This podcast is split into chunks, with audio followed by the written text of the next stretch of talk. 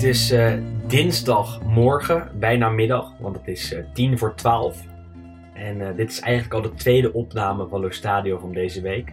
Gisteren hadden we al drie kwartier erop zitten toen het podcastapparaatje uitviel. Hele aflevering weg. En gelukkig hebben we vandaag de tijd gevonden om er nog één op te nemen. Wesley, goedemiddag. Ja, goedemorgen, middag, morgen. Ja, morgenmiddag, ja, ik weet het niet. Ja, ja het, is, uh, het ging hartstikke goed gisteren naar mijn gevoel. Maar, hè? Ja, het, het, was, het, het, was weer lekker. Technisch. Uh... Zeker, het was weer lekker natuurlijk. We zaten in, in, de, in de studio bij FC Afkikken. We waren met z'n drieën. Um, leuk even nabeschouwd op de Coppa Italia en het eerste speelweekend van de Serie A. Um, alleen toen viel het ding uit en uh, toen was alles weg. Dus het was goed, een gesprek de techniek gooide een beetje roet in het eten. Maar goed, hè, dan gaan we het gewoon nu nog een keer doen. En dan, uh... Net zo leuk, net zo leuk. Precies, toch ja. Alleen wel zonder Sander, die had vandaag geen tijd. Dus uh, pakken wij het met z'n tweeën op. Isaac die zit in Italië, komt straks met een mooie column. En goed nieuws, want ook de column van Juriaan van Wessem is weer terug aan het einde van de aflevering. Wij gaan het even hebben over uh, nou, dezelfde zaken als, als waar we het gisteren over hadden. We weten eigenlijk precies. um, laten we even beginnen bij de Serie A, denk ik. Uh, die werd uh, zaterdag hervat. zondagwedstrijden gisteravond ook. Welke duel sprak jou het meest aan? Ja, goed, we hebben het er gisteren. ik krijg wel heel veel verwijzen waarschijnlijk naar gisteren. Ja, dat maakt niet We hebben het er gisteren al even over gehad. Dat natuurlijk commercieel gezien is natuurlijk dramatisch hoe de Serie A dit dan weer heeft aangepakt. Uh, dat, we hadden al gezegd, in, uh, in Spanje begonnen ze met de derby van Sevilla. In Duitsland begonnen ze met, uh, met de kolenpot derby of de rivier derby, hoe je het ja, noemen. Ja. in Engeland met City tegen Arsenal. En in Italië beginnen ze met Torino-Parma. Of zelfs met de Coppa en, Italia eerst, waar geen hond Ja, dat, goed, dat, maar dat zijn, dat zijn dan inderdaad nog halve finales en finales. En dat wordt dan niet uitgezonden op Nederlandse televisie. Of sowieso in het buitenland minder vaak. Dus daar kun je dan nog wel inkomen.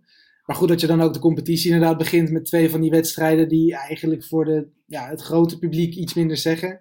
Torino, Parma en Verona Cagliari, dat is gewoon ook niet echt, niet echt heel erg lekker gepland. Nee. En dan hebben we natuurlijk ook vorige week leuk gesprek natuurlijk uh, van jou met Emiel. En dan zie je op Ziggo, uh, op de Twitter-account, zie je uh, mooie plaatjes en, en een soort voorbeschouwingen, weet ik veel wat, allemaal op die, op die dingen. En dan die eerste twee wedstrijden worden nergens uitgezonden hier in Nederland allemaal van dat soort dingen dat je denkt van ja, het is gewoon niet echt professioneel gedaan. Vrij frustrerend om het Italiaanse voetbal te willen volgen en, en er eigenlijk wel voor te willen zitten. Ja, nee, absoluut. Nee, goed, jij ja. kwam natuurlijk al een paar keer met die Serie A-pas, dat werkt goed. Dus uh, mochten mensen die het nog niet hebben aangeschaft, is dat een, uh, is dat een hele goede. Het was 7 euro per maand. Ja, 6 euro per maand. En dan kan je alle wedstrijden kijken. Kan je ook alle wedstrijden ter, uh, terugzien met lange samenvattingen. En waar ik gisteren achter kwam, uh, is dat je twee duels. Ja, exact. ja. En, en, je kan er zelfs vier tegelijkertijd kijken. Dat gaat volgens mij dit jaar niet meer gebeuren. Maar stel er wordt volgend seizoen uh, op zondagmiddag gespeeld. En er zijn vier wedstrijden om drie uur. Kan je ze alle vier tegelijkertijd kijken. Uh, al heb je dan wel meerdere paren ogen nodig, denk ik, om het allemaal in de gaten te kunnen houden. Maar goed. Um, ja, viel het dan ook tegen, de hervatting? Ja, op dat betreft, nou, gewoon zeg maar, die zaterdag viel een beetje tegen. En het goed zondag heb je natuurlijk wel gelijk weer twee leukere wedstrijden met Atalanta Sassuolo. Wat natuurlijk eigenlijk voor het neutrale publiek, denk ik, de leukste wedstrijd ook was van het hele speelweekend. Hipster derby. Uh, ja, nee, maar het, het, zijn natuurlijk twee extreem aanvallende ploegen. Uh, twee ploegen die altijd, zowel voorin als achterin, uh, ja, veel, veel doelpunten maken en ook redelijk veel doelpunten tegenkrijgen. Mm -hmm. ja, en goed, Atalanta ja. doet natuurlijk ook gewoon dit seizoen net als vorig seizoen heel erg goed. En twee hyper-offensieve uh, trainers ook, hè? met de, de ja. Zerbi bij Sassuolo, Gasperini bij Atalanta. En uh, wel, wel mooi hoe je eigenlijk al de eerste 10 minuten zag dat ze allebei gewoon vol wilden aanvallen. Uh, Sassuolo kreeg drie kansen, werden alle, alle drie gemist. Daarna kwam Atalanta beter in de wedstrijd en scoorden ze direct eerste helft vijf doelpunten, waarvan twee afgekeurd. Wat dat betreft kwamen ze wel lekker met de deur in huis vallen daar hè, in Bergamo. Ja goed, Atalanta is natuurlijk de laatste paar wedstrijden voor de winterstop hebben ze natuurlijk ook gigantisch veel gescoord. was volgens mij die 4-1 natuurlijk tegen, uh, wat is het, uh, Valencia thuis. Toen die 4-3 uit bij Valencia en tussen, tussendoor nog die 2-7 bij, uh, bij Lecce in Puglia. Ja, het is gigantisch. Voor ja, de corona-stop bedoel je. Ja, ja, natuurlijk. Maar, en het is ook gewoon knap dat ze die lijn eigenlijk gewoon moeiteloos door lijken te trekken. Want ja, wat je zegt, vijf doelpunten in de eerste helft, uh, waarvan er dan, uh, wat is het, twee of drie doorgingen. dat is gewoon razend knap natuurlijk. Kan jij, kan, denk jij dat zij voor verlichting kunnen zorgen in, in Bergamo? Nou goed, het is binnen Italië natuurlijk wel de zwaarst getroffen stad. En ja, het, weet je, het blijft natuurlijk een bijzaak. Dus goed, het is meer een extraatje, denk ik, voor de bevolking als ze dit jaar weer zo'n mooi, mooi einde van het seizoen krijgen. Uh, volgens ze natuurlijk derde geworden, gekwalificeerd voor de Champions League voor de eerste keer. Ehm, en goed, ze zitten er nu nog steeds in, gelukkig ook. Dus dat krijgen we natuurlijk in augustus uh, ook nog ergens.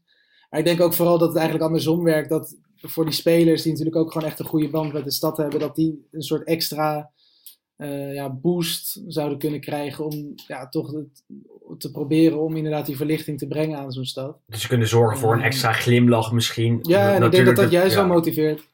Misschien de pijn iets wegnemen. De pijn van de vele verliezen daar in, in Lombardije, in Bergamo. Um, en dan, dan heb je dus in augustus ook nog de Champions League. Kijk, kunnen zij het Ajax zijn van, uh, van 2020? Uh, ja, qua kwaliteit uh, denk, denk ik, dat gaat het goed als je inderdaad kijkt naar het feit dat ze natuurlijk als relatieve, nou goed, nu zijn ze natuurlijk zeker een debutant, dus met Ajax was dat iets anders, maar toch mhm. als een relatieve, ja, niet favoriet eigenlijk voor de, voor de eindzege of überhaupt om ver te komen. Maar, maar net doorgaan uit de. Nee, tuurlijk, ja, want het was inderdaad na die eerste paar wedstrijden dacht iedereen van, nou, dit is, uh, was een leuk experiment, maar het is beter als, als Roma volgend seizoen weer gaan de Champions mhm, League mm gaat. Uh, maar ze doen het inderdaad daar ook boven verwachten nu de laatste weken natuurlijk. Of tenminste de laatste wedstrijden in de Champions League. Uh, en ze zitten er nu nog steeds in. En ja, het is ook vanwege het feit dat nu natuurlijk door die hele coronacrisis de, het wordt een soort final eight of, of hoe, ja, ik weet ja, niet nieuw opzet. Noemen, maar een soort e- dus mini-EK misschien. Ja, eigenlijk een soort eindrondetje. Uh, dus over één wedstrijd. En ik denk dat daarin Atalanta ook juist wel meer kans maakt, eventueel dan over twee wedstrijden. Omdat je natuurlijk in één wedstrijd kun je verrassen. En als je inderdaad kwalitatief minder bent, wordt dat meestal over twee wedstrijden. Uh, doe je dan ook wel net, uh, ja, kom je dan net iets tekort. Maar goed, in één wedstrijd zeker zo'n aanvallende ploeg en zo'n veel scorende ploeg. Ja, uh, super interessant. Gewoon, het, het, ja, ook mooie... eventueel een halve finale en dat is Ajax misschien zelfs wel verder kunnen. Maar, maar het, het, mooie is dat zij tegen iedereen aanvallen. Het maakt niet uit tegen wie ze spelen. Al spelen ze tegen Manchester City, wat je zag in de poolfase. Of ze nou tegen Letje spelen, of afgelopen weekend tegen Sassuolo. Ze vallen altijd aan en creëren altijd kansen. En dat is natuurlijk wel prachtig. Uh, en ze gaan zich dit jaar in de Champions League, of in de Serie A ook weer gewoon kwalificeren voor de Champions League. Ja, daar lijkt het wel op inderdaad. Ze staan nu zes punten voor, uh, voor Roma. Dus, uh, Onderling resultaat is positief ten opzichte van Roma. En uh, als je ziet hoe fit zij direct waren in die eerste wedstrijd na de coronastop, is dat echt indrukwekkend. En, en daar hadden we het dan gisteren even over. over meneer Jens Bansbo. ja, herhalen we het gesprek weer. Maar dat is een enorm interessante man. Dat is een Deense fitnessguru. Hij is eh, vroeger ook nog, ik heb hem nog even gegoogeld. Ja, bij Juve. Hij ook nog bij Juventus, is ja. assistent trainer geweest van, van, uh, van, Lippi, Ancelotti. Ja, van Ancelotti en uh, Lippi, dacht ik. Ja. En, uh, en, en daar werd hij wel in verband gebracht met, met eventueel dopinggebruik door de spelers. Hey, ik zeg niet dat Atalanta dat, dat doet op dit moment. Ehm, maar, maar er zit een, een, een rauw randje achter. In ieder geval kent Gasperini hem van hun gezamenlijke tijd bij, bij Juve. Gasperini was destijds jeugdtrainer daar. Uh, Banksbo was assistent bij uh, het eerste elftal. Uh, in 2018 besloot Gasperini bij Atalanta om Banksbo naar, naar Bergamo te halen. En, en, wat je nou, misschien niet sindsdien ziet, maar misschien wel iets meer, is dat de spelers super fit zijn. en dat zag je zondag ook tegen Sassuolo, dat ze er direct stonden, 90 minuten lang konden doorgaan. En dat is echt wel knap, uh, knap hoe die Banksbo en uh, Gasperini dat, of Banksbeu moet ik misschien zeggen, en Gasperini dat, uh, dat voor elkaar hebben gekregen. wat dat betreft voorspelt het veel goeds voor Atalanta. Ehm, en later op de avond kwam het andere blauw-zwarte team uit Lombardije in actie. Over mooie bruggetjes gesproken. Ja, Want het was, het was Inter tegen Sampdoria. Heb jij die wedstrijd gezien of kunnen zien? Want, want je hebt geen internet thuis, hè? Dacht nee, ja, het internet heeft het eigenlijk het hele weekend niet echt meegewerkt. Dus ik heb uh, de doelpunten wel teruggekeken. Want gelukkig, ja, ik, heb, ik had nog wel een beetje 4G op mijn telefoon. Maar dat was ook niet veel meer. Dus ik heb de wedstrijd niet, uh, niet gezien, alleen even de doelpunten. Gelukkig heb je eh, mij. Ja, precies. Nee, goed. En jij, Sander, hebben het er gisteren natuurlijk ook al even over gehad. Ja, ja. Maar eigenlijk, ja, wat ik er ook van mee heb gekregen, vooral uit tekst op Twitter eventjes, dat ja, Inter eigenlijk zoals zo vaak dit seizoen in de eerste helft gewoon heel goed was 3, 4, 5-0 voor had kunnen staan. En dan uiteindelijk aan het eind van de wedstrijd nog maar blij zijn dat ze niet 2-2 uh, spelen. Echt verbazingwekkend, want de eerste helft waren ze echt veel beter. Hadden drie, vier keer kunnen scoren. Eriksen, die tegenwoordig achter de spitsen staat, dat is een nieuwe positie in het systeem van Conte, uh, was hartstikke goed. Uh, Lukaku was sterk. Lautaro, die leek met zijn hoofd gewoon weer in Milaan te zitten. En, en Inter speelde gewoon een hele sterke eerste helft. en dat hebben ze vaker gedaan dit seizoen. Hè? Ehm, wij waren bij Dortmund-Inter, waarin ze bij rust met 0-2 voor stonden. bij Barcelona waren ze de eerste helft supergoed. Um, ik, kan me nog een wedstrijd tegen Spal herinneren. Ja. Waar ze telkens super erg domineerden in de eerste 45 minuten. En het toch op een of andere manier weggaven. Gebeurde ook uh, bijna tegen Sampdoria. Wat echt een absoluut super zwak elftal heeft. Uh, die er echt uh, eigenlijk de hele 90 minuten niks van hebben gebakken. Maar toch bijna met een gelijkspel wegkwamen tegen Inter. Omdat ze één keer scoorden door Torsby, ex-Herenveen middenvelder. en daarna nog wel een kansje kregen.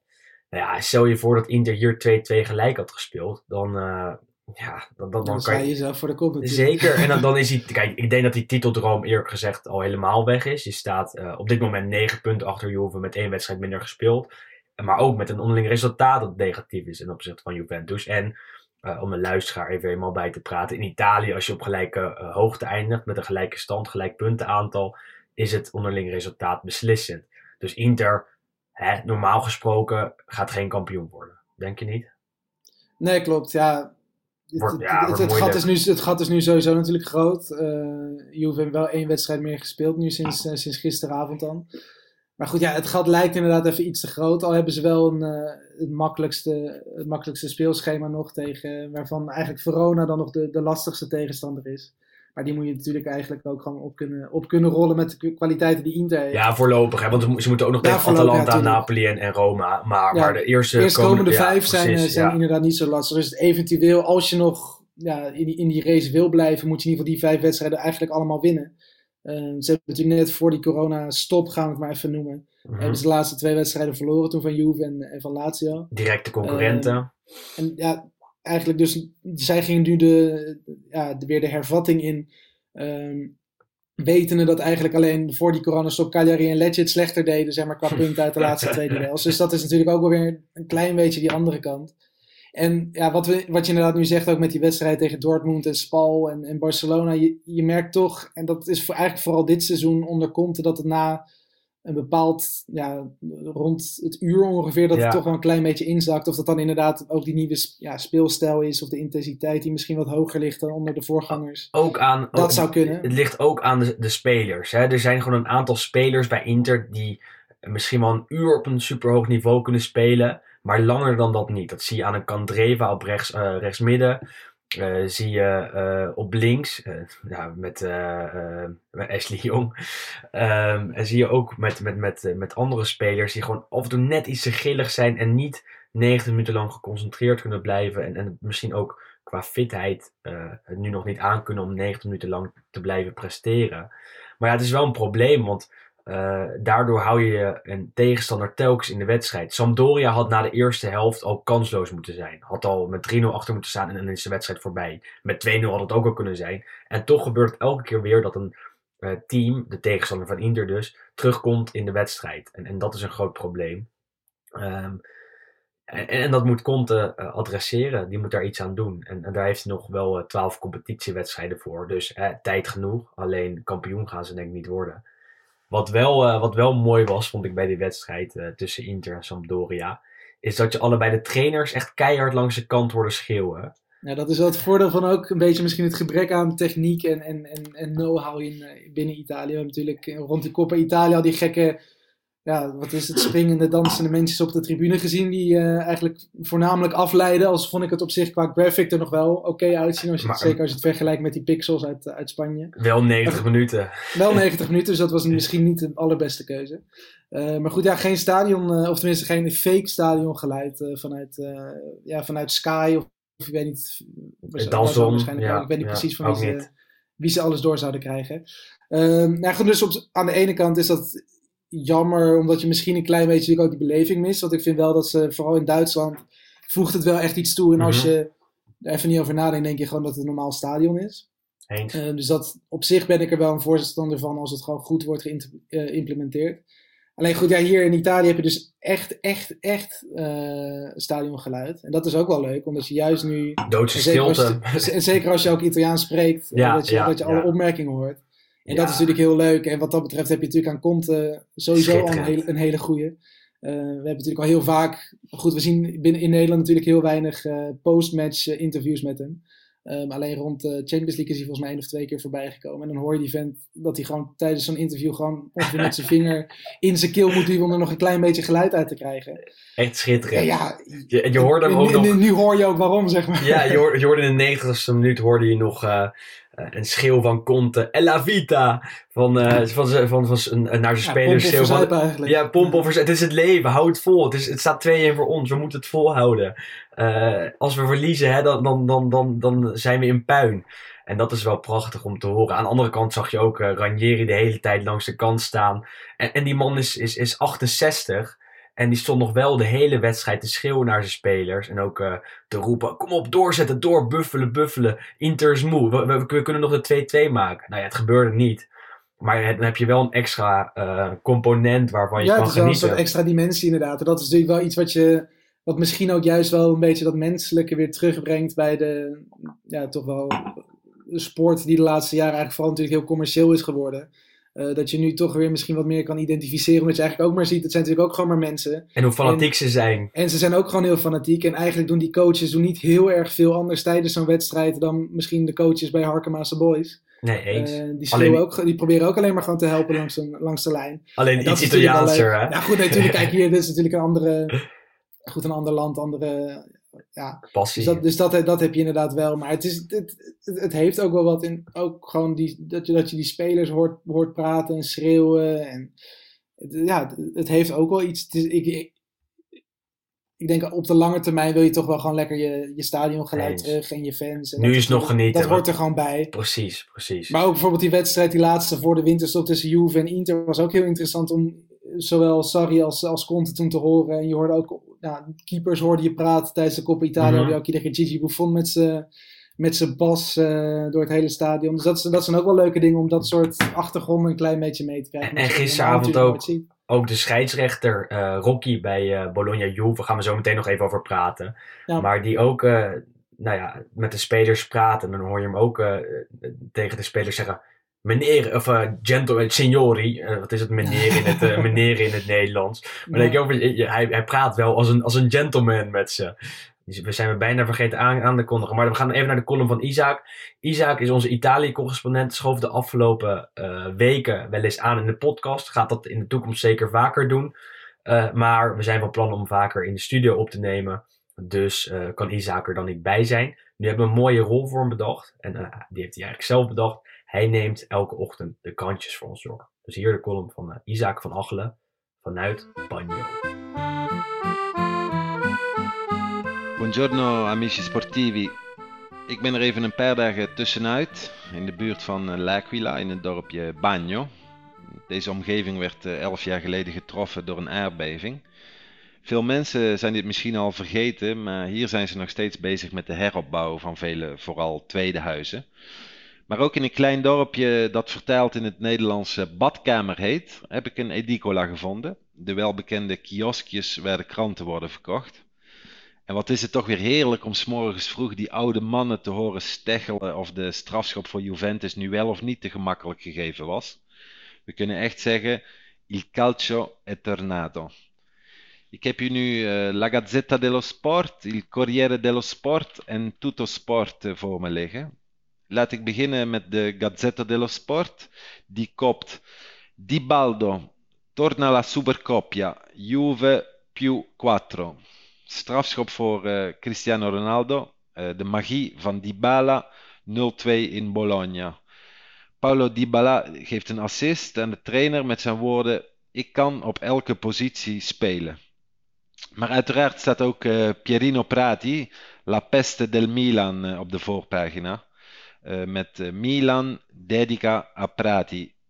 Een eerbetoon aan, aan Prati, die de voormalig AC Milan vedette Pierino Prati, die is gisteren helaas op 73-jarige leeftijd overleden na, na, een lang ziekbed. En Prati die won met Milan in 1969 de finale van de Europa Cup 1 door met 4-1 te winnen van Ajax. En in die wedstrijd scoorde hij drie keer. En het is daarna geen enkele speler meer gelukt om een uh, tripletta, een hat-trick, uh, te maken in een finale van deze Europese hoofdprijs. En ook in uh, Corriere dello Sport natuurlijk aandacht voor, voor Prati. En de grote kop is Fuga di Coppia. Een uitje van een stelletje. Uiteraard het stelletje duo Dybala en Cristiano Ronaldo gisteravond in Bologna. Verder Lazio, La Rincorsa di Corea. De Argentijn en Casedo spelen voor een plekje naast Immobile. Terwijl Lucas Leiva niet zal spelen en Roma is de laatste dagen ook uh, flink in het nieuws. Ook zij op de voorpagina. Uh, dit gaat over de, de eventuele overname van uh, AS Roma. Friedkin, een magnaat uit Texas, die zou klaar zijn om de betalingsvoorwaarden aan te passen en het jaarwoord te, te krijgen van James Palotta. En in Tutto Sport, Juve si, era ora. Het werd tijd. Ronaldo met een strafschop en Dybala met een klassieke goal verslaan hier Rosso Blue en staan sterk op de eerste plaats. De Chilio knockout en uh, Danilo met rood van het veld gestuurd.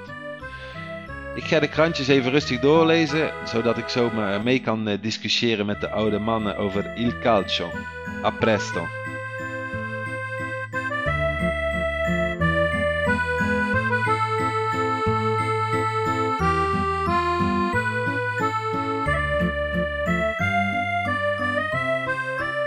Ja, Bologna-Juve. Uh, 0-2. Renato, Renato de Lara. Het stadion gaat verbouwd worden. Die plannen zijn ook eindelijk goedgekeurd. Dus dat uh, gaat komen. Maar goed, dat zal wel nog een klein beetje toekomstmuziek zijn. Als we de Italiaanse bureaucratie nog een beetje met... Uh, Ga overheen. Ja, dat zal nog wel even duren. We kennen het land goed genoeg intussen. Goed, een eigenlijk vrij eenvoudige overwinning. In de eerste helft was het, wel, was het al beslist. Stond 2-0 bij rust. Uh, een paar fouten in het begin, vooral van Chesney die een paar keer niet goed opletten. En van de licht, bijna met de stift van, van het jaar. En van de licht. En uh, ja, uiteindelijk heb je dan toch weer het, uh, Sander zei het ook al, rond de Coppa Italië natuurlijk. Nou, je bent 10 minuten bezig en, en Juve krijgt een penalty. Mm -hmm. Dat was tegen zijn Milan in de halve finale. Ja, het was nu eigenlijk tegen Bologna hetzelfde. Vond jij het een pingel? Objectief ja, gezien. ja, goed. Het, ik vind, ja, het is lastig. Goed, jij zei het gisteren in onze WhatsApp-groep natuurlijk ook al. Het is een beetje lastig om daar objectief naar te kijken. Ja, heel erg. Uh, maar goed, als je het inderdaad, als je gewoon puur analyseert wat er gebeurt. Het is corner, corner wordt genomen. Uh, de licht en Denzel staan bij elkaar. Denzel trekt aan het shirt van de licht. Je ziet het eigenlijk ook, maar ik heb het vanaf tv maar vanuit één uh, hoek gezien. Dus misschien is het vanuit een andere nog duidelijker mm -hmm. te zien. Maar hij houdt hem vast. Je ziet het shirt echt helemaal ja, vertrekken, zeg maar. En hij laat hem pas heel laat los. En dan gaat natuurlijk gaat de licht liggen. Um, en daar dus kwam ja, weer. Je, ja, je, kunt, je ja. kunt hem geven. Maar het is.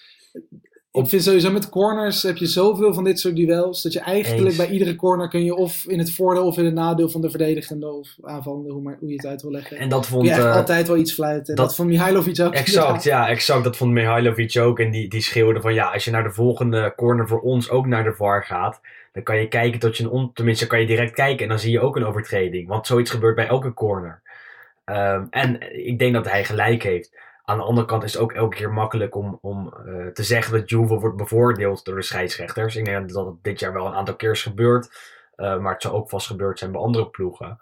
Uh, ja. Alleen, ja, goed, maar kijk, ik, ja, kan, ik, ik kan heel goed begrijpen. Nou ja, ik kan heel goed begrijpen dat hij hem geeft. Want je ziet zo duidelijk dat het shirt wel wordt vastgehouden en wordt, Mhm. wordt weggetrokken, zeg maar. En als je wordt geroepen, dan moet je hem ook geven. Want je ziet duidelijk dat Denzel het shirt van, van, eh, van eh, de licht naar beneden trekt. En dan zie je een overtreding. En je bent de scheidsrechter, je bent geroepen naar de VAR. En dan kan je niet zeggen, ja weet je wat, dit gebeurt bij elke corner. Nee, want je ziet het nu duidelijk voor je, voor je ogen. Je ziet het op je beeldscherm. En dan snap ik duidelijk dat, dat Rocky eh, een penalty geeft. Eh, eh, het probleem ligt meer bij de VAR, denk ik. Dat, dat hij hem hiervoor naar, naar, de, naar het beeldscherm roept. Kifi was dat, dacht ik. Ja. Ehm, aan de andere kant, hij kan het doen en, en het is een, een, een, een, voor 80% een overtreding, misschien nog voor 70%. Eh wordt vaak niet gegeven bij corners en, en gisteravond wel. En het was echt niet alleen omdat het over Juve ging, omdat het een penalty voor Juve was. Maar ja, het, Het is, hielp wel, hielp het is wel opvallend natuurlijk ook. Ja, goed, en nu schoot Ronaldo hem er wel in, dus dat scheelde ook al. eh ze heeft niet volgens mij zijn- twintigste of zijn 21ste erin. 0-1 en, en, en daarna eh, stoomde Juve door. Eh Bologna kwam er niet meer lekker in. En eh, na een mooie inspeelpaas van De Licht, hakje van Bernardeschi, kwam de bal bij Dybala. Die mooi open draaide en de bal echt in een mooie kruising deponeerde. Ja, prachtig doelpunt toch? Ja, nee, absoluut. Ik zag vanochtend in de, wat je had, uh, volgens mij Stefan Denswel had je zijn vier die hij had gekregen in de sportkrant, had je al even getweet. Ja, ja, ja. Uh, ik zag hem ook voorbij komen, het hele stuk. En dat was ook over Dybala, die was de beste aan de kant van, uh, van Juventus, kreeg volgens mij 7,5 van 8. Terecht. En daar, stond, en daar stond ook, we mogen in ieder geval de, hoe zeg je dat, de, de medische geschriften mogen we updaten. Want blijkbaar heeft het coronavirus geen invloed op je linkervoet. dat was het, het quoteje wat ze daarbij hadden gezet. Heropleving ja, goed, van geweldige... Baldo. ja, goed, ja, een geweldige goal. En we, zijn, we hadden gisteren natuurlijk ook even contact tijdens de, tijdens de tweede helft vooral. Dat als je ja, de licht en vooral die balen eruit haalt bij, bij Juventus. En dan goed, Ronaldo, omdat het natuurlijk gewoon ja, een, geweldige speler is. Maar als je dat eruit haalt, dan is er echt helemaal niks wat er overblijft. Zijn zij de beste elftal uit de Serie A? Absoluut niet. Nee, goed, ze zouden het moeten zijn op basis van de breedte van de selectie, die eigenlijk altijd wordt geroemd. Maar je ziet nu gisteren met de backs dat dat eigenlijk ook helemaal niet breed is. Uh, ze, kwamen met, ze reizen met vijf verdedigers af. Uh, nu, naar, nu naar Bologna. Uh, waarvan Rugani natuurlijk ook zelf nog coronavirus heeft gehad. Maar goed, die zal natuurlijk intussen weer fit zijn. -huh. De Chilio die verving Alexandro, de linksback die geblesseerd was. Nou, de Chilio geblesseerd. Dan komt Danilo erin. en als een of andere. Bizar. Idioot pakt hij dan twee keer geel in vijf minuten. Had al direct rood kunnen hebben. Had al direct rood kunnen hebben. Uh, dus ja, goed, kijk, die, die, die breedte van die selectie wordt heel vaak geroemd. Maar er zijn ook gewoon heel veel zwakke plekken. En nou goed, ik heb natuurlijk al twee jaar lang dat ik zeg dat dat middenveld verschrikkelijk is. Uh, met Kedira, met Chan, met Matuidi, Rabiot. Nou goed, Chan is nu natuurlijk naar Dortmund. Dus dat is één frustratie minder voor mij, zeg maar. Maar goed, het is echt... Als je, als je de licht die Bala Ronaldo weghaalt, dan is het denk ik echt...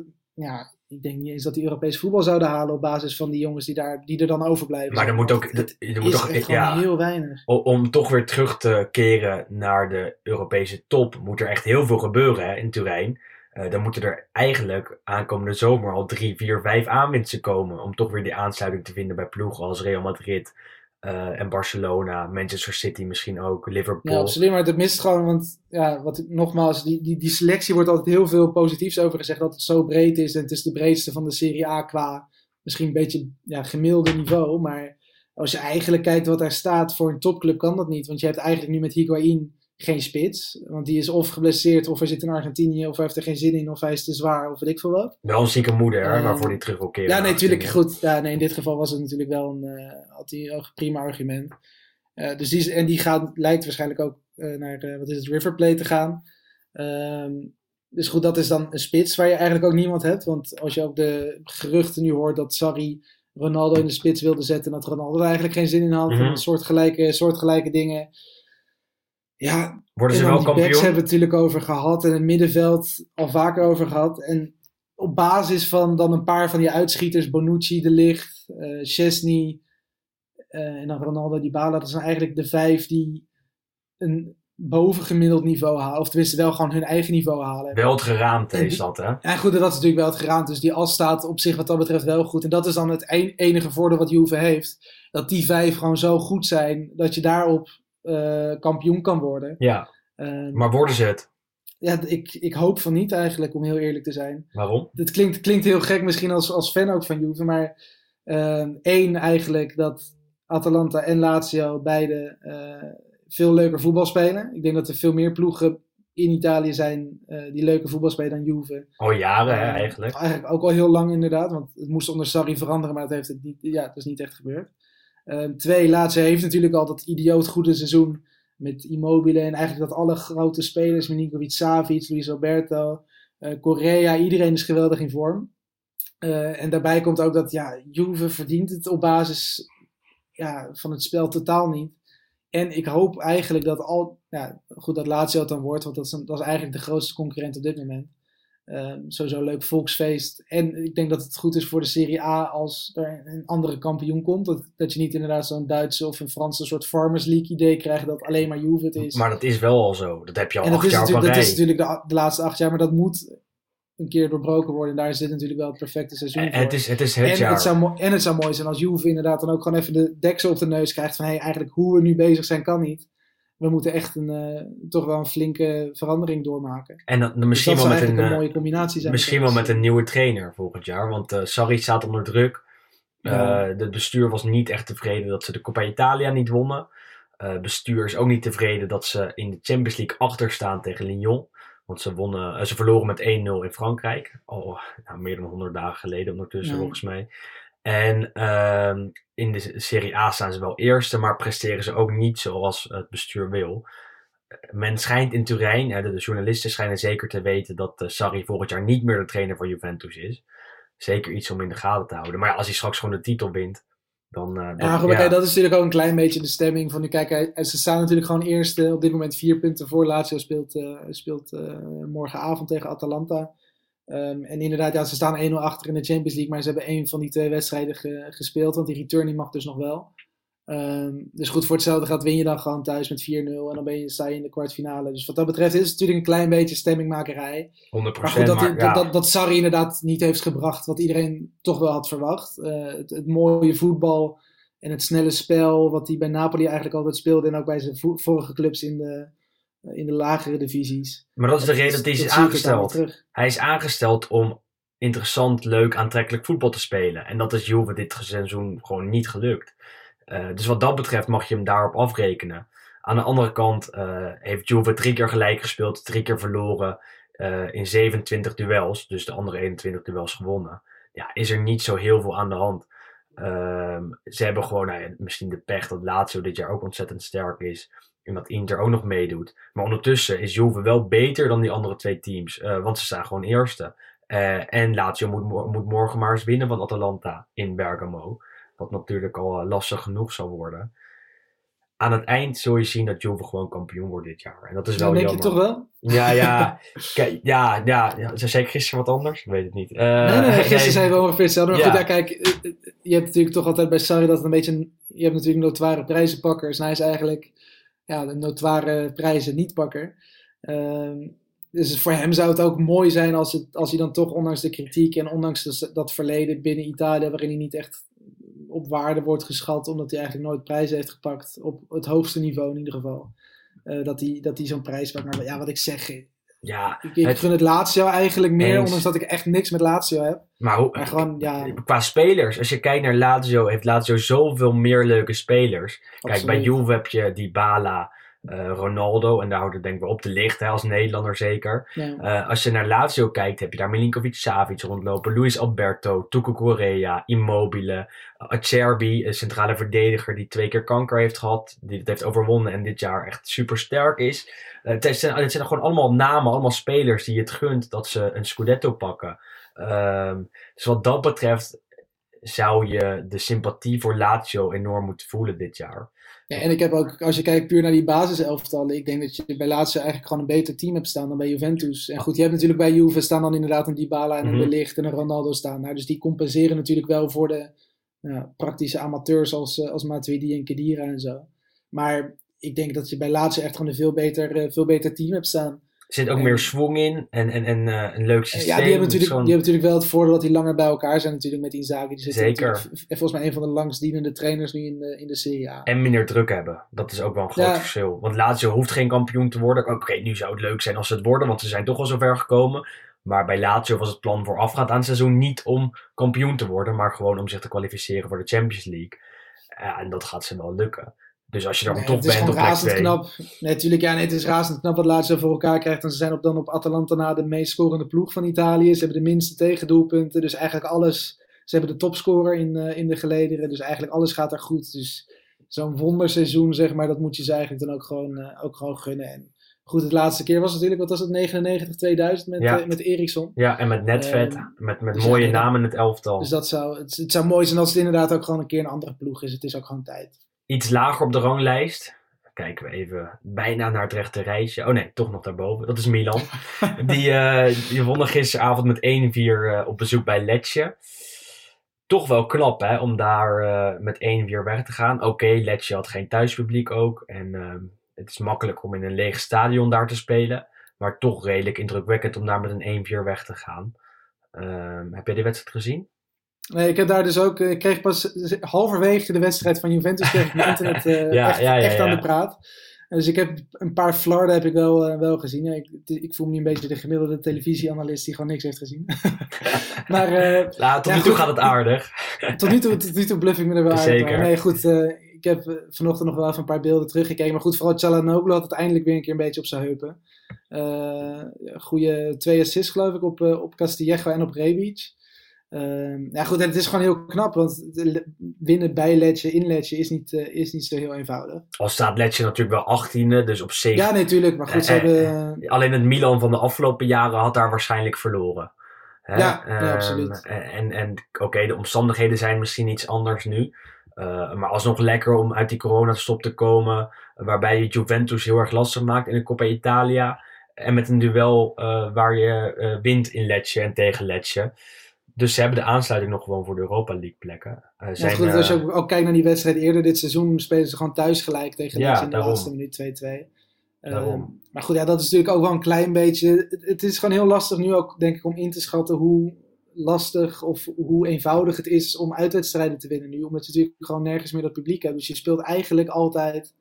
Nou goed, alleen het veld is natuurlijk uh, uh, verschil tussen de, tussen de regio's en de clubs. Maar je speelt eigenlijk altijd ongeveer op neutraal terrein. Dus het is ook lastiger in te schatten. Alleen maak je de eh, reis wel. Hè? Kijk, van Milaan naar Lecce is wel heel ver. Dus het is wel vermoeiend om, om die, die, die, trip te moeten maken. Dus wat dat betreft speel je alsnog wel uit. Maar inderdaad, wat je zegt, geen supporters. En ik denk uh, zeker voor de kleine clubjes dat het wel echt uitmaakt. Die hebben natuurlijk echt wel het, het voordeel van... Zeker als je natuurlijk een, een, ploeg als een Milan of een andere grote ploeg... langere tijd op, op een gelijk spelletje kan houden tot in de tachtigste minuut dan wordt het voor zo'n ja, voor zo'n grote ploeg ook moeilijker. Als je, want ja, Letje wordt dan aangestuurd door het publiek, aangemoedigd. Mm -hmm, je krijgt dan ook een soort derde adem, zeg maar. Ja, en dat was nu niet. En dat mis je nu natuurlijk niet. En dan uiteindelijk zie je dan toch wel dat Milan ja, duidelijk meer kwaliteit heeft. Ja, wel meer dan Letje in ieder geval. En, en, en We zijn echt goed voor Sander. Ik denk dat dat uh, positief is voor hem ook een keer. Was fanatiek aan het appen gisteren tijdens de wedstrijd. was, was erg tevreden met de overwinning. En dat snap ik ook wel, want je bent toch bang als Milanista dat je dan daar verliest en dat je weer gelijk de pop aan het dansen hebt. Uh, en die poppen zijn al aan het dansen, want het is ruzie in Milaan. Uh, bestuur jaagt elkaar de tent uit. Uh, Stefano Pioli is nog niet zeker van zijn plek op de bank volgend seizoen.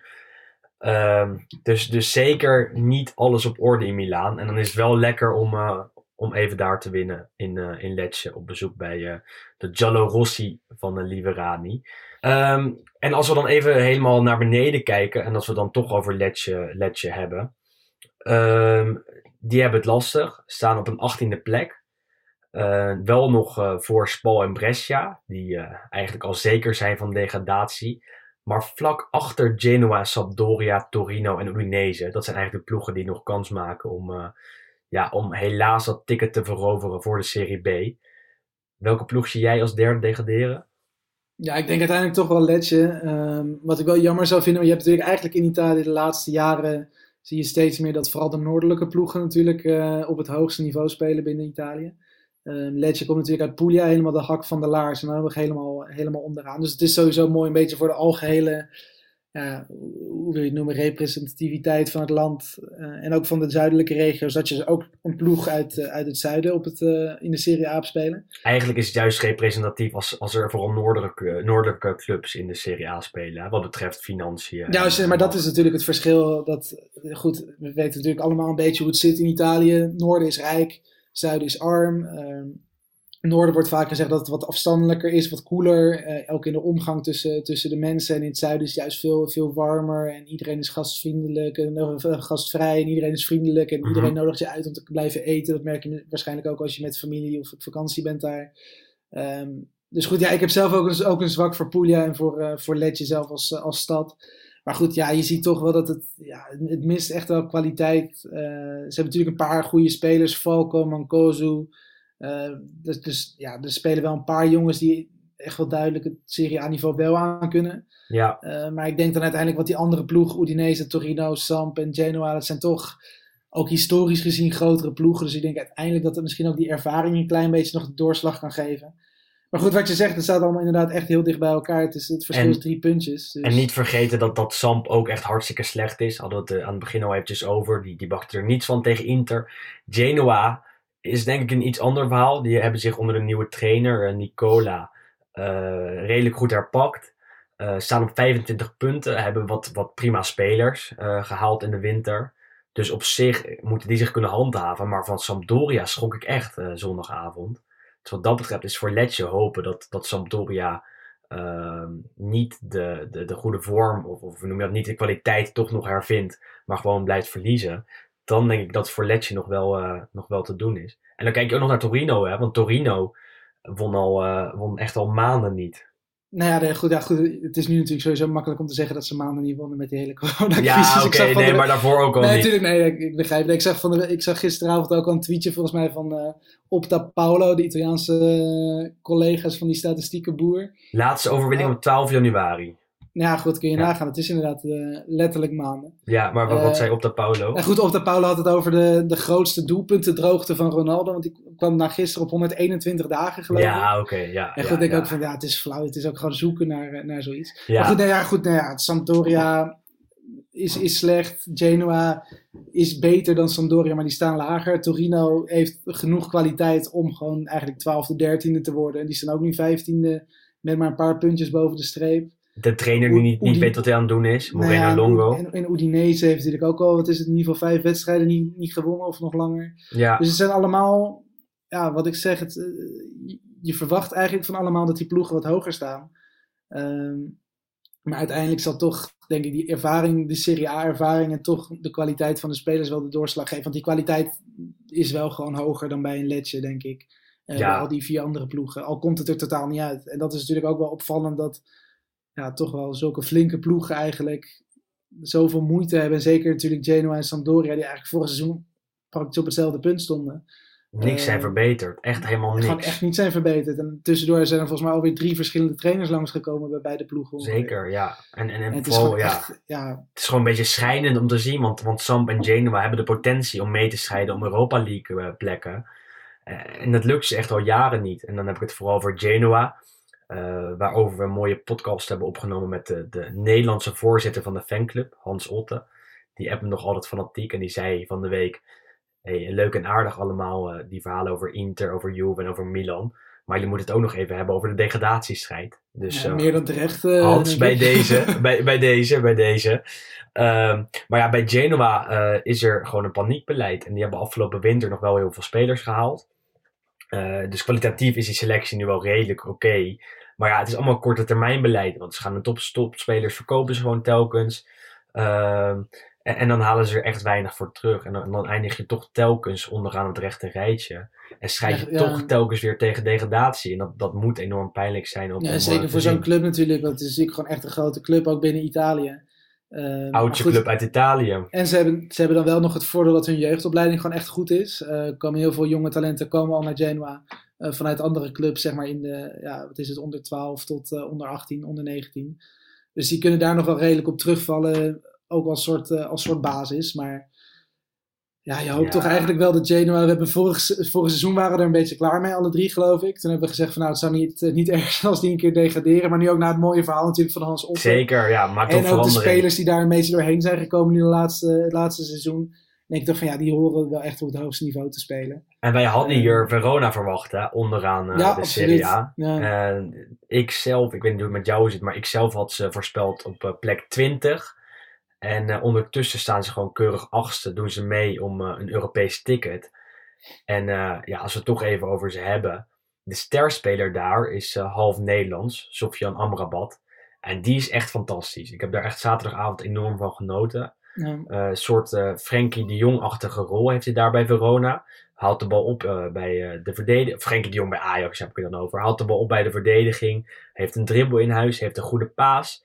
En verbindt echt die verdediging met het middenveld. En het is echt knap om te zien. Heeft een transfer verdiend. Gaat voor eh, 15 miljoen naar Fiorentina aankomende zomer. Maar ik zie hem spelen en dan denk ik. Nou, die had wel dat stapje naar Fiorentina over kunnen slaan. En misschien wel bij een, een grotere club terecht Ja, goed, dat natuurlijk bij Napoli was hij al eh, heel dichtbij. Uiteindelijk is dat dan ook on- onder andere vanwege die, wat is die image rights eh Ja, standaard. Ehm, een, beetje, ja, een beetje de standaard verhalen vanuit Napels. Maar goed, ja, nee, geweldige speler inderdaad. En dat, vind, dat is ook het knappe wat je toch ook wel nu een beetje begint te zien bij meerdere clubs. Dat spelers die in het buitenland niet helemaal zijn geslaagd of helemaal niet zijn geslaagd, dan toch dat daar een klein risicootje mee wordt genomen. Um, en dat het uiteindelijk toch heel goed uitpakt. En daar is Verona qua scouting doen niet fantastisch. je hebt natuurlijk ook uh, Kumbula bijvoorbeeld, een, een jonge Albanese die eigenlijk ja, een van de betere, misschien wel een van de beste verdedigers is van de Serie A dit seizoen. Gaat ook een transfer maken. Waarschijnlijk wel. Het is nog niet helemaal bekend waar hij naartoe gaat. Onder mm Inter en, en Juve waren al zwaar geïnteresseerd. Ja, ja. zijn maatje achterin, uh, Rachmani, die is gekomen van Dynamo Zagreb, uh, als ik me niet vergis. Ook niet echt bepaald een hoogvlieger natuurlijk op Europees gebied of Europees niveau. Die gaat nu naar, naar Napoli volgend seizoen. En je hebt zo meerdere van die spelers waarvan je denkt van ja, ik heb er eigenlijk nog nooit van gehoord, maar ze kunnen echt wel heel goed voetballen. Um, en goed, ja, het, het, zegt genoeg dat wij ze inderdaad als twintigste hadden neergezet ja. voorafgaand aan het seizoen. Ook misschien een beetje vanwege de trainer Ivan Juris, die ik eigenlijk nog nooit iets goed heb uh, gezien. maar, maar Met hier, respect voor die man. Maar, maar wat, wat, hij bij, wat hij bij Verona voor elkaar krijgt, en ze spelen echt leuk voetbal. Er zitten mooie spelpatronen in. Het is duidelijk wat hij met ze wil doen. En uh, het team lijkt zijn orders of zijn tactische plan op te volgen. En daardoor staan ze achtste. En dat zag je ook tegen Cagliari. Uh, kwamen snel op 2-0. Twee doelpunten van de, die Carmine. En uh, bleef op 2-0. Alleen toen pakte good old Fabio Borini een, uh, een hele domme rode kaart. Kwam de Cagliari terug in de wedstrijd. Maar wat Verona vervolgens deed, was gewoon heel uh, stevig en heel sterk verdedigen. En dus hielden ze vol, wonnen ze met 2-1. Ja, Verona is wel echt een team om in de gaten te houden en om, om, om te blijven kijken. En, en zeker om, om misschien wel een beetje te supporten de komende periode. En goed, het is natuurlijk niet de, niet de mooiste club als je ook nee, de negatieve nee, kanten van, zeggen, de, ja. ja. van het team en van de geschiedenis ook er een beetje bij haalt. Maar, maar goed, dan heb je het over het spel, het team. En, nee, absoluut. Nee, goed, zeker het huidige. En uh, ja, Verona is natuurlijk ook als stad heel mooi. Het stadion is verschrikkelijk, maar goed, daar hebben we het ook al vaak genoeg over gehad. En, en daardoor weer een beetje mooi, hè? Zo lelijk dat het mooi daardoor wordt, is het natuurlijk ook mooi. En uh, goed, je hebt natuurlijk ook het boek van, uh, wat is het, uh, hoe heet die? Tim Parks. Tim, Tim Parks. Ik wilde Sparks zeggen, maar dat is Nicholas Sparks. Dat is, een heel, ander, dat is een heel ander boek, geloof ik. dat is, dat is van een notebook. nou, Nicholas Cage. weet je ook wel welke film ik gisteravond heb gekeken? Nee, goed, nee, ja, dat is, het, is, het is een mooie ploeg. Het zegt genoeg inderdaad dat wij ze zo laag hadden ingeschat, maar dat ze, dat ze het zo goed doen. Uh, ja, dat is uh, alleen maar mooi. En heel veel respect voor die, uh, voor die club, denk ik. Hey, en weet je wat ook mooi is, Wes? De column van Juriaan die gaat deze week over Verona tegen Napoli. Verona tegen Napoli, ja. Gisteren ja, zei ik het verkeerd. Even scherp op blijven. Verona tegen Napoli, dat is een wedstrijd die vanavond op het programma staat. Om half acht wordt er, daar, wordt er daar afgetrapt. Zou ik zeker even aanzetten, want Napoli heeft een mooie elftal, een mooi team interessante trainer met Gattuso. Verona heeft uh, Amrabat, heeft een paar talenten achterin uh, rondlopen. En uh, Juriaan van Wessem die neemt ons mee naar een historische versie van, van dat duel. Dit was onze podcast voor deze week. Blijven vooral luisteren. We blijven elke week verschijnen. Hopelijk een beetje aan het begin. En het liefst op maandag, als het allemaal lukt met opnemen. Nemen we om 9 uur op. Komt hij rond het middaguur online. En uh, ja, dat moet je gewoon even blijven luisteren. Want er is heel veel Italiaans voetbal de komende tijd. Heel veel om over te praten. Heb jij dingetjes die we moeten bespreken? Stuur het naar ons op Twitter, Instagram, WhatsApp, weet ik veel allemaal. Mail is ook wel eens gebeurd. En dan gaan we nu lekker luisteren naar die column van Juriaan van Wessem. Terug van weg geweest. Dankjewel, Wes. Tot de volgende. Bij de eerste volle speelronde van de hervatting staat ook Verona-Napoli op het programma. En dan gaan de gedachten van de oudere jongeren meteen uit naar de eerste speeldag van de Serie A in 1984. Italië was in deze zomer uitgeroepen tot het voetbalwalhalla, want alle mondiale sterren waren erheen getrokken. In die zomer was de laatste golf met sterren aangekomen, met spelers als Rummenigge, Socrates en Diego Maradona. Dit duel in het Bentegodi Stadion zou de eerste wedstrijd van het Argentijnse wonderkind in de Serie A worden. En natuurlijk was ook de wereldpers op dit duel afgekomen om daarvan getuige te zijn. Napoli was in het seizoen ervoor nog aan de degradatie ontsnapt, terwijl Verona voor het tweede jaar op rij de finale van de Coppa Italia had verloren van de ploeg die op zijn beurt net de Europa Cup finale had verloren. Verona had ook goed ingeslagen, want tijdens het EK 84 werden de Duitser Hans-Peter Briegel en de Deen Prebe Elker Larsen aangetrokken. Verona was toch een outsider voor de mondiale pers. Hoewel de ploeg van Osvaldo Bagnoli in de oefencampagne na het seizoen imponerende cijfers had geboekt. Toen de spelers het veld opkwamen, dromden alle camera's zich om Maradona. Italië was er klaar voor. Een paar wolken boven het stadion, vooral een blauwe lucht en een nazomerse temperatuur. Verona domineerde het duel vanaf de aftrap. Maar als Maradona aan de bal kwam, zwol het geluid in het stadion aan. Toch lag hij vooral aan de ketting die Hans-Peter Briegel heette. En na 26 minuten gebeurde het onvermijdelijke uit een hoekschop. Verona nam de leiding door een doelpunt van de Duitser. Want Maradona hoefde natuurlijk niet mee te verdedigen. Een paar minuten later profiteerde Giuseppe Galderisi, een gewezen speler van Juventus met de lengte van een smurf, en daarom werd hij ook wel Il Pufo, oftewel de smurf genoemd, van de chaos in de Napolitaanse defensie. Het werd 2-0. Eigenlijk was het duel toen al gespeeld. Daniel Bertoni, de andere Argentijnse aankoop van Napoli, deed nog wel iets terug. Maar de stylist Antonio Di Gennaro zorgde voor de beslissing met een derde treffer. Verona won met 3-1 en zou zelfs de kop pakken in deze competitie van wereldsterren en die niet meer afstaan. Verona werd de verrassende kampioen van 1985. Het bijzondere aan deze ploeg was zeker dat ze in alle linies een ijzersterke speler hadden. In het doel Claudio Garella, de wat forse keeper die later ook bij Napoli kampioen zou worden. Als libero Roberto Tricella, die bij Juventus de opvolger van Chirea zou worden. En op het middenveld Antonio Di Gennaro. En in de aanval Pietro Fanna en Giuseppe Galderisi. Maar natuurlijk waren de buitenlanders Briegel en Elkjar Larsen toonaangevend. Het was een geweldige kampioen in een seizoen waarin Torino tweede werd en Sampdoria de Coppa Italia won. Kortom, een zeldzaam seizoen voor het Italiaanse voetbal.